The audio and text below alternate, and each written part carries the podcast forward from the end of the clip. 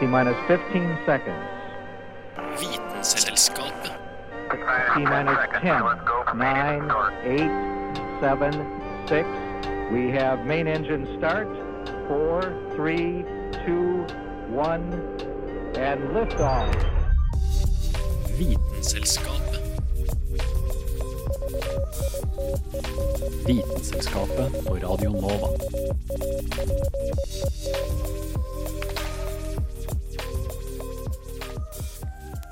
Det er egentlig litt ironisk at vi er på radio i dag, og at dere der ute derfor ikke kan se oss, for vi ser nemlig masse. Det skal sies, noe av det vi ser i dag er ting som ikke er der. Det er jo slik at eh, man går rundt og tror at alle ser det samme, men som vi skal høre i dag, så stemmer ikke det. Noen ser nemlig andre farger, noen ser ting som ikke finnes, og noen har egentlig det motsatte problemet, nemlig at de ikke klarer å se bilder i sitt eget hode.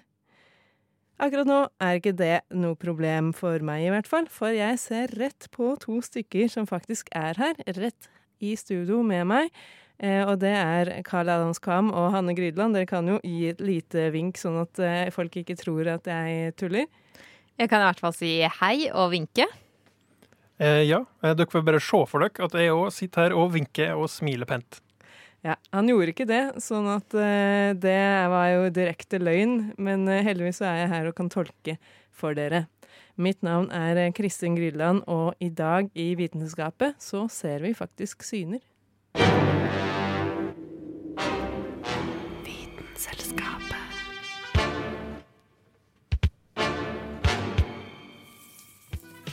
Ja, jeg vet ikke helt om vi, vi direkte ser syner, men vi ser iallfall veldig mye ansikter i ting, Karl.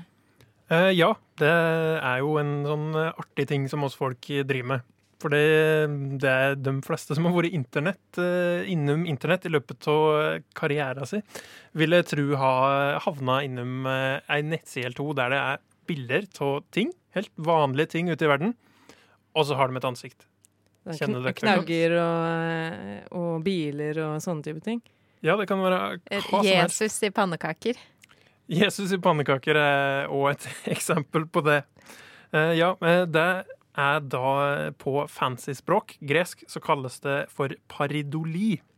Det da betyr bare feiltolkning.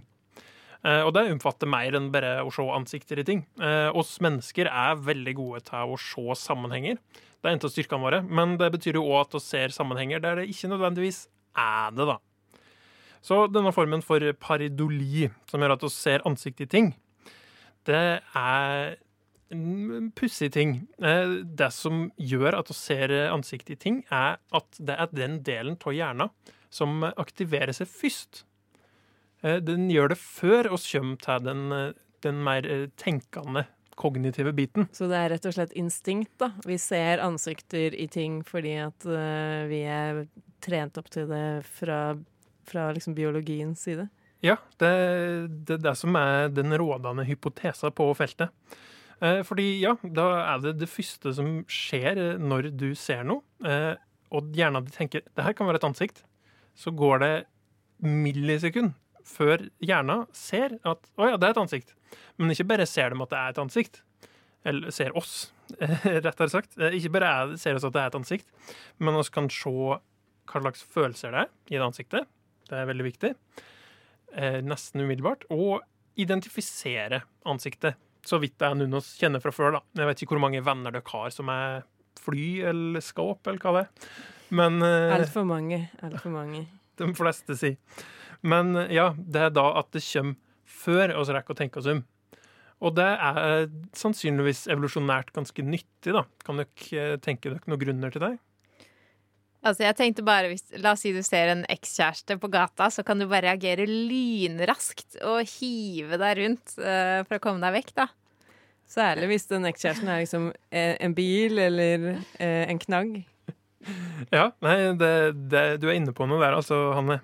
Det er jo da kanskje særlig i tidligere tider, når du kunne forvente å måtte slåss med hvem enn du møtte, så var det en veldig god idé, og før du måtte stå og tenke i fem minutter, så kunne du bare se Oi, der er det et ansikt. Oi, han ser sint ut. Oi, jeg springer, jeg tenker. Men det er jo veldig mange av de ansiktene som jeg ser, i hvert fall, eh, er ofte veldig sånn søte. Eller selv hvis de ser sinte ut, så er det ikke sånn at jeg går rundt og skvetter bare jeg ser eh, Å nei, det var noe stein på asfalten som var forma litt som et ansikt. Det er ikke sånn at jeg liksom går rundt og skvetter og, og prøver å flykte. Så jeg vet ikke, er det kanskje jeg som har litt sånn dårlige instinkter, da? Eller er det noe med at kroppen på en måte ser øynene og, og liksom ser det som et ansikt, men samtidig skjønner at det her er kanskje ikke helt ekte. Ja, eh, jeg har ikke noe eh, nøyaktig idé om akkurat hvorfor det men jeg kan tenke meg at det kanskje er fordi det er statisk. At eh, når det er et ansikt som ikke beveger seg i det hele tatt, verken mimikken eller mot eller fra det, da er det ikke så skummelt. It's fun. I mean, the natural world is just fun. Du hører på Vitenselskapet på Radio Nova. What more do you want?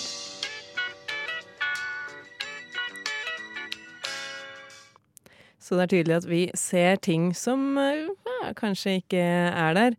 Men spørsmålet er, hvis vi bare går helt tilbake til ganske basic, da. Hvordan fungerer egentlig synet? Det har Anna Vik Rødsed lagd en liten sak på. For at vi skal få en opplevelse og oppfatning av ting som er rundt oss, så er vi jo naturligvis avhengig av sansene våre. Og ikke minst de organene som på en måte oversetter ting i en form som gjør at vi kan tolke det. For eksempel, du kan jo høre meg nå og oppfatte meg fordi du har ører. Men lyd er jo bare bølger i luften, men det er jo cellene dine i øret som på en måte oversetter disse bølgene til nervesignaler, som sendes til hjernen der de blir prosessert, og du sitter igjen med en forståelse av hva som har blitt sagt. Øyet er jo det organet som gjør det mulig for oss å se ting som er rundt oss. Det samme gjelder for syn som med hørsel. Det vi ser er jo egentlig bare lys i forskjellige bølgelengder, og dette må oversettes sånn at vi får et bilde. Lyset kommer inn gjennom pupillen og hornhinnen og treffer linsen som fokuserer lyset som sendes bak til netthinnen. Netthinnen din består av millioner av fotoreseptorer, altså disse tappene og stavene, som er de som omformer dette lyset til nervesignaler. Disse signalene sendes videre bak til synsenteret i hjernen din. Og på denne måten kan du oppfatte og se det som er rundt deg. Det er nok litt mer komplisert enn som så. Faktisk så trenger man nesten halve hjernen for at du skal kunne klare å se, oppfatte og gjenkjenne ting. Men som vi alle vet, så er det ingen systemer som er 100% vanntette. Og det samme gjelder for kroppen og synet ditt. Av og til så kan jo du se bilder som ikke er der, eller du kan se andre farger enn andre. For å forstå hvordan vi kan se ting som ikke er der, eller se ting i andre farger, så må vi tilbake til disse fotoreseptorene, altså stavene og tappene. Stavene er de som oppfatter lys og mørke, mens tappene oppfatter farger. Disse har vi tre forskjellige typer av, avhengig av hvilke farger de er sensitive mot. Vi har altså røde, blå og grønne tapper. Så hvis du stirrer på et bilde med veldig sterke farger, og deretter ser på en hvit flate, så kan du oppleve å fortsatt se dette bildet, med også helt nye farger. Dette skjer fordi det er noen farger eller lys som er så sterke at disse fotoreseptorene vil fortsette å omdanne det til nerveimpulser og sender det tilbake til hjernen din. Som da gjør at du kan se et bilde som ikke er der. En annen ting som skjer ved langvarig stimuli, er at disse tappene blir sliten og vil dermed slutte å respondere. Hvis da dette bildet du så på, hovedsakelig består av sterke blå og grønne farger, da vil de tappene som er sensitive mot nettopp blå og grønt lys, slutte å respondere.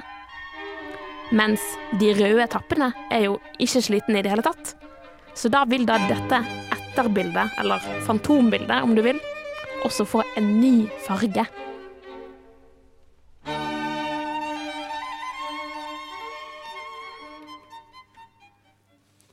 Ja, det var altså Anna Vik Rødse som hadde lagd den saken.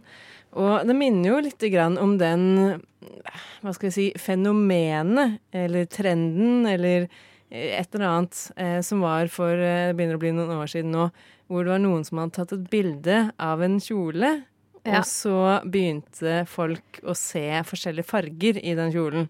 The dress. The dress. Eh, selveste kjolen. Det var jo en snakkis uten like, og folk hissa seg jo innmari opp. Det må, eh, har man i hvert fall fått med seg hvis man har hatt en karriere i løpet av sin karriere på internett. Eh, hvilken farge var det du så på kjolen, Carl? Jeg tror faktisk jeg klarte å se både her forskjellige tidspunkt. Ja, samme her, men jeg tror jeg så litt forskjellige bilder. Altså på ett bilde så var det sånn åh, den her er åpenbart eh, var svart og blå, eller eh, Jeg husker ikke hvilke kombinasjoner det var. Blå og hvit, tror jeg Da. Blå og hvit, og så var det brun og Eller sånn bronse Nei, det var svart og blå. Og, eller gull og hvit. gull og hvit, ja.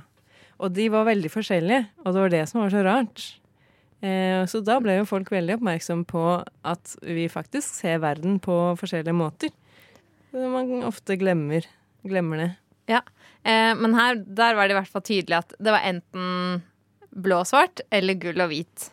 Men hva om dere begge to hadde sett kjolen som blå og svart? Hadde dere fortsatt sett den samme fargen inni hodet? Det må jo være nærmest umulig å vite det.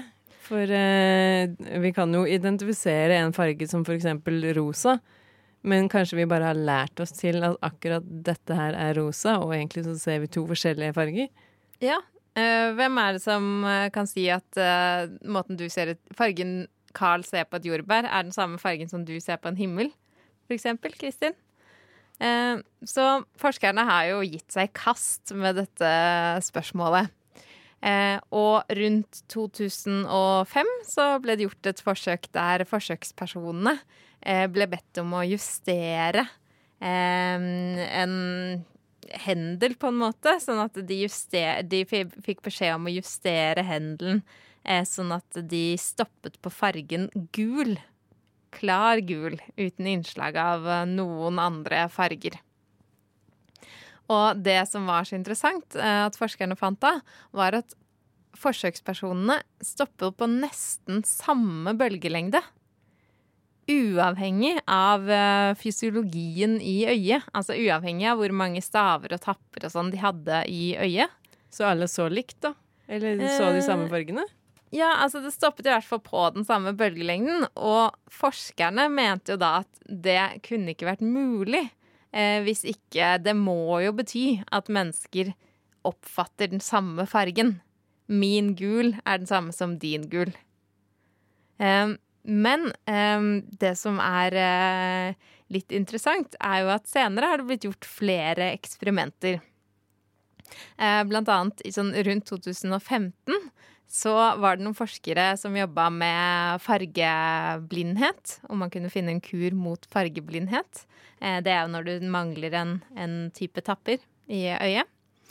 Eh, og de injiserte en gruppe aper med et virus, fordi aper de har bare to typer tapper i øyet. Eh, så de kan bare se. De er fargeblinde, da. Så de injiserte apene med et virus som injiserte et gen i DNA-et deres, som gjorde at de omgjorde noen av de eh, grønne tappene i øyet til røde tapper. Så de fikk Altså, de ga apene et virus som gjorde at de kunne se andre farger. Ja, eh, altså hvordan man ser farge på, det avhenger av én ting. Det er hva du har i øyet, staver og tapper, og det er hvordan hjernen tolker signalene. Så resultatene fra det første eksperimentet med den gule hendelen, det viste at det må jo sitte i hjernen, fordi forsøkspersonene hadde ulike typer staver og tapper, Mm. og de så den samme bølgelengden. I dette eksperimentet eh, så eh, hadde apene bare to typer tapper fra før av, og så fikk de en tredje fordi vi, eh, på grunn av et virus. Og da ble apene bedt Rabiate. ja, Jeg vet ikke hvordan de gjorde det, men de ble, ble bedt om å se på et sånt, dere vet, sånn prikkebilde hvor man kan velge ut Det er rødt og grønt, og så skal Ja, du sånn ser som, du eh, tallet. Sånn test for å se om du er fargeblind eller ikke. Ja. Eh, så før de fikk dette viruset, så klarte de ikke se forskjell på de grønne og de røde prikkene. Etter at de eh, fikk viruset, så klarte de å se forskjell. Og i dette eksperimentet eh, så mente jo forskerne at det at de begynte De, ha, de hadde ingen prekonsepsjon av hva fargene var. Hvordan fargen så ut. For de hadde jo aldri sett denne fargen før. Men de klarte å se forskjell på prikkene. Så forskerne mente at dette må jo bety at det er akkurat samme som skjer når du er nyfødt. Du har ingen idé om hvordan fargen skal se ut. Men hjernen har et, syns, at du har et synsapparat i hjernen som står klar til å tolke signalene. Men det kan gå helt tilfeldige retninger. Det eneste vi vet, er at du ser fargene. Du kan se forskjell på dem. Men eh, hvordan du oppfatter dem, kan vi ikke si noe om, mente forskerne av dette eksperimentet, da. Så eh, strides de lærde, er det det? Her strides de lærde, rett og slett. Så vi aner ikke, vi tre som sitter her i dette rommet, vi aner ikke om vi ser de samme fargene eller ikke? Det er bare å fortsette å følge med på forskningen. Oslo 2 igjen, Oslo 2. Dette er Vitenselskapet. Radio November, Oskar, Viktor, Alfa.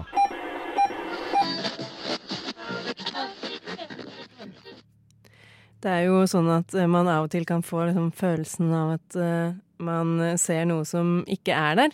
Vi har jo snakka om øyne og ansikt i ting, men kanskje litt sånn skumlere enn det. Det er jo noen som faktisk har det sånn at de ser ting som ikke er der. Og, noe, og det er også en del av det å ha en schizofrenidiagnose, at noen faktisk kan se ting som ikke er der. Vi skal høre litt om schizofreni av Julianne Lifjell.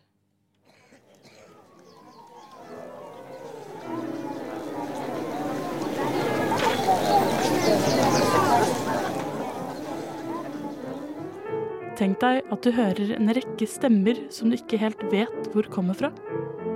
Det er ingen andre i rommet du står i, men stemmene høres så virkelig ut at du tror de kommer fra noen andre i rommet. Kanskje ser du også en edderkopp krype oppover armen din. Men når du prøver å børste den vekk, vil den ikke rikke på seg.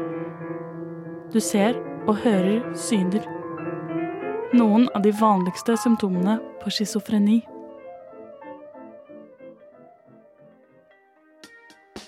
Selv om ordet schizofreni betyr splittet sinn, har det ikke så mye å gjøre med å ha flere personligheter, men heller at sinnet er splittet fra virkeligheten. Man kan ofte oppleve å se eller høre ting som ikke egentlig er der. Den vanligste stereotypen av disse symptomene er å høre stemmer i hodet som snakker til deg. Ikke alle med schizofreni opplever dette, men for de som gjør det, kan det oppleves som veldig ekte. Ofte, spesielt for folk som ikke blir medisinert, kan stemmene være negative og si alt fra nedlatende ting om personen til å foreslå mer alvorlige ting som selvskading. Selv om media ofte viser mennesker med schizofreni som farlige, er det ekstremt sjeldent at de faktisk er det. Heldigvis er schizofreni en veldig sjelden diagnose. Sjansen for å utvikle schizofreni i løpet av livet er rundt 1% Og i Norge er det bare 3 promille av befolkningen som har diagnosen. Den er mest vanlig blant menn, og ofte viser symptomene seg før 30-årsalderen. Selv om noen får diagnosen senere i livet, er det svært sjeldent at man blir syk om man er eldre enn 35 år. I tillegg til symptomer som synsforstyrrelser, hørselsforstyrrelser og paranoia, kan flere med schizofreni oppleve problemer med hukommelsen, vanskeligheter med å holde en samtale og nedsatt fleksibilitet. Heldigvis finnes det medisiner som gjør at de fleste i dag kan leve relativt normale liv med diagnosen. Jeg vet ikke helt eh, hva som er best, å se ting som ikke er der, eller å ikke kunne se ting som ikke er der. For eh, det er jo slik at hvis man f.eks. leser en bok, eller, eller for hører på radio eller podkast eller noe sånt noe, så danner de fleste seg bilder, ikke av alt, men av noen ting, da. Eh, sånn eh, Å, var, eh, der var det en eh, blå ball som bare spratt over eh, studio. Så vil jo de aller fleste kunne tenke seg en blå ball, se for seg hvordan den ser ut, se at den spretter. Men så er det noen som ikke har eh, den eh, evnen.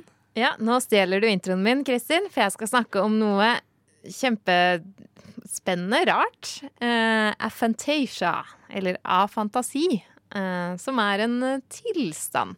Og nå vil jeg at dere to her i studio, og dere der hjemme, lukker øynene. Ja, det gjelder også dere der hjemme. Uh, og så skal dere se for dere en liten innsjø.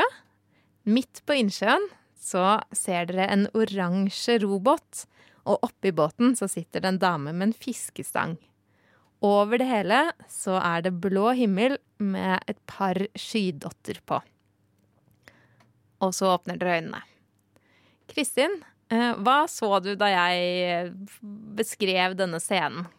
Jeg så en veldig liten innsjø. Den var faktisk eh, såpass liten at den var ikke så veldig mye større enn selve båten. Eh, og så satt det en eh, dame i, jeg tror hun hadde sånn rød genser, og så hadde hun en sånn eh, solhatt av strå, liksom. Eh, så det var litt vanskelig å se om det var en mann eller dame, da, for det satt faktisk med ryggen til. Men var det på en måte som å se på et bilde?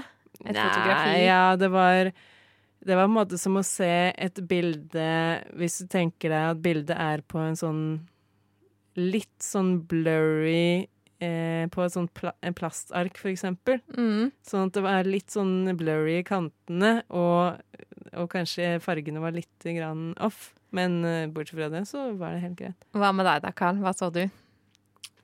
Eh, jeg ensa så vidt en innsjø. Det var vel sånn cirka så langt jeg kom. Ja. Ta eh, den beskrivelsen til Kristin med et blurry bilde. Plasser det 50 meter lenger bort og i fart. OK.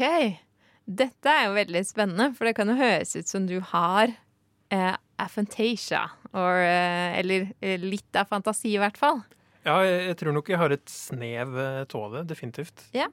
Eh, og da kan jeg jo si hva fantasi er. Det er jo at man mangler evnen til å fremkalle indre bilder.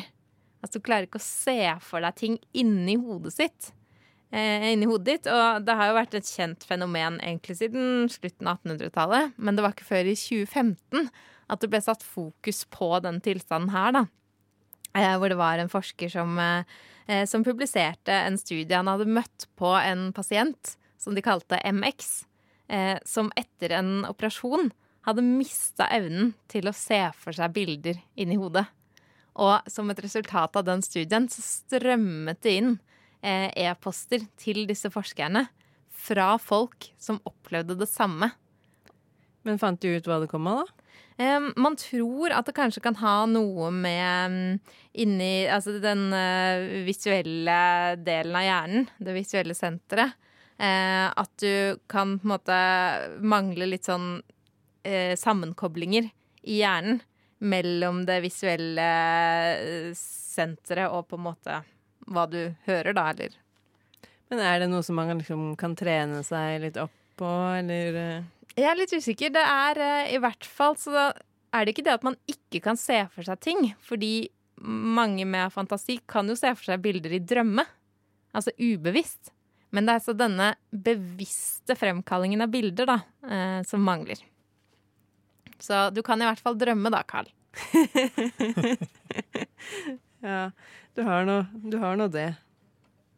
There's hydrogen and helium, then lithium, beryllium, boron, carbon everywhere, nitrogen all through the air with oxygen so you can breathe. Du hører på Vitenselskapet på Radio Nova.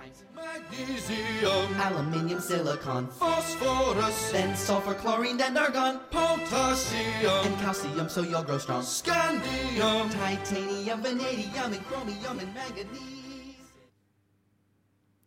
Å, sorry, jeg sona litt ut, jeg. Nei da, jeg gjorde ikke det. Men jeg tenkte det var passende å begynne sånn, fordi at hvis ikke jeg hadde gjort det, så hadde Carl gjort det. Eh, For han skal nemlig snakke litt om å sone ut, stemmer ikke det? Jo, det, det er helt riktig, som du påpekte med den geniale spøken der. Um, ja, Å sone ut uh, kan jo begynne med generelt da, å miste fokus. For det, det er en studie som jeg skal prate litt om. Det var en fyr som heter Schooler fra UC Santa Barbara. Da skulle de finne ut eh, hvordan folk er til å fokusere, da. Så da fant de ut ja, og satte dem til å lese Krig og fred. Har dere hørt om den boka? Eh, hørt den, og jeg har sett dens fysiske tilstedeværelse. Den er ganske tjukk. Ja, det er en murstein på 1000 sider, skrevet av en eh, russisk forfatter, Tolstoy. Eh, Så mm, det er kjent for å være vanskelig å komme gjennom, da. Så eh, de skulle eh, lese i tre kvarter, de som var i studiet. Så hver gang de kjente at de mista fokuset, skulle de trykke på en knapp. Og eh, i løpet av tre kvarter eh, så var det i snitt eh, 5,4 ganger da, at eh, folk mista fokus. Så ca. hvert femte minutt. Litt mindre. Eh, Det som var litt artig, at eh, når de gjorde en studie, så hadde de òg ei gruppe der det var eh, servert vodka først. Jeg tror det var vodka siden det var ei russisk bok. Eh, Og de var faktisk flinkere til å ikke miste fokus, de som var fulle. Yes. Eh, Men det her er da den bevisste delen til å miste fokus. Fordi her var folk eh, klare nok over at de mista fokus, til at de kunne trykke på en knapp. Eh, Det de da hadde fokus på i tillegg i den studien her, var zoning out, å sone ut. For da er det ikke bare sånn at du begynner å tenke på noe annet. Du er ikke klar over at du begynner å tenke på noe, andre, på noe annet. Så da gikk eh, forskerne rundt, og så stilte de spørsmål i tillegg om de fulgte med. Og hvis de sa at de hadde mista fokus, så hadde de jo mista fokus, men uten å være klar over det, sånn at de trykte på knappen. Eh, Så eh, var det da det at de bare forsvant uten å være klar over det sjøl. Ca. 13% av tida så var folk såpass borte. Eh, Og her kommer her kommer det med fulle folk tilbake, da. Fordi ja, de, var, de rapporterte mindre at de sona ut. Men tru tro det eller ei, de sona ut veldig mye oftere. Ja, det her høres jo mye mer logisk ut. Ja. Det her er jo OK, greit. Eh, verden er slik som jeg trodde at den skulle være. Ja, I hvert fall på det feltet her. Fordi ja, når du er full, så er det kanskje ja, lettere å konsentrere seg sånn rent bevisst. Men du ramler av mye fortere. Det er sånn at du ikke skjønner det sjøl, men du har sona ut. Men de stilte spørsmål om handlingen da, i boka. Nei, det var bare et enkelt spørsmål. Tenker du på boka nå, eller følger du med på boka nå? Å ja, sånn ja. ja. Uh, ja. Uh, men hva, hva er vitsen med å drive og sone ut sånn? Det, det er jo vanskelig å si. Det vet oss ikke. Kanskje unnslippe en tusen 1000 sider eh, russisk bok? Ja, det vår, vårt verste, vår verste fiende i evolusjonens historie har jo vært store, tunge russiske romaner. Eh, nei. Eh, det er en hypotese som jeg syns er interessant. Eh, fordi når folk soner ut, eh, så rapporterer de som regel at de tenker på framtida. Eller i hvert fall ting som ikke har skjedd, eller ting som kan skje. Og det er kanskje akkurat den funksjonen det å sone ut eh, fyller opp for oss. da. At eh, en gang iblant så må oss ta ei, ei pause fra dagliglivets mas og stress. Eh, slutte å tenke på hva som skjer her og nå, nå og planlegge litt. Eh, Se for oss hvordan ting kan bli. Og da tar ikke hjernen vår like greit å sørge for at vi gjør det, og sone oss ut. Så alle der ute som sliter med å holde konsentrasjonen oppe, kan jo rett og slett eh, bare skylde på det at de evolusjonsmessig forbereder seg på framtiden og blir mer og mer forberedt på det som kan komme.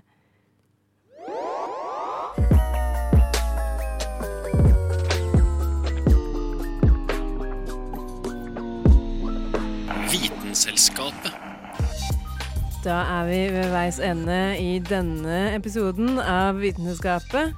Eh, dere kommer nok ikke til å se oss, kanskje, og vi kommer nok heller ikke til å se dere, men vi har jo sett veldig mye annet i denne sendingen. Jeg vil bare si takk til Karl Anders Kvam og Hanne Grydland. Mitt navn er Kristin Grydland, og vi ses slash høres seinere. Selskapet. Du Du Du hø hører på. på Radio Nova.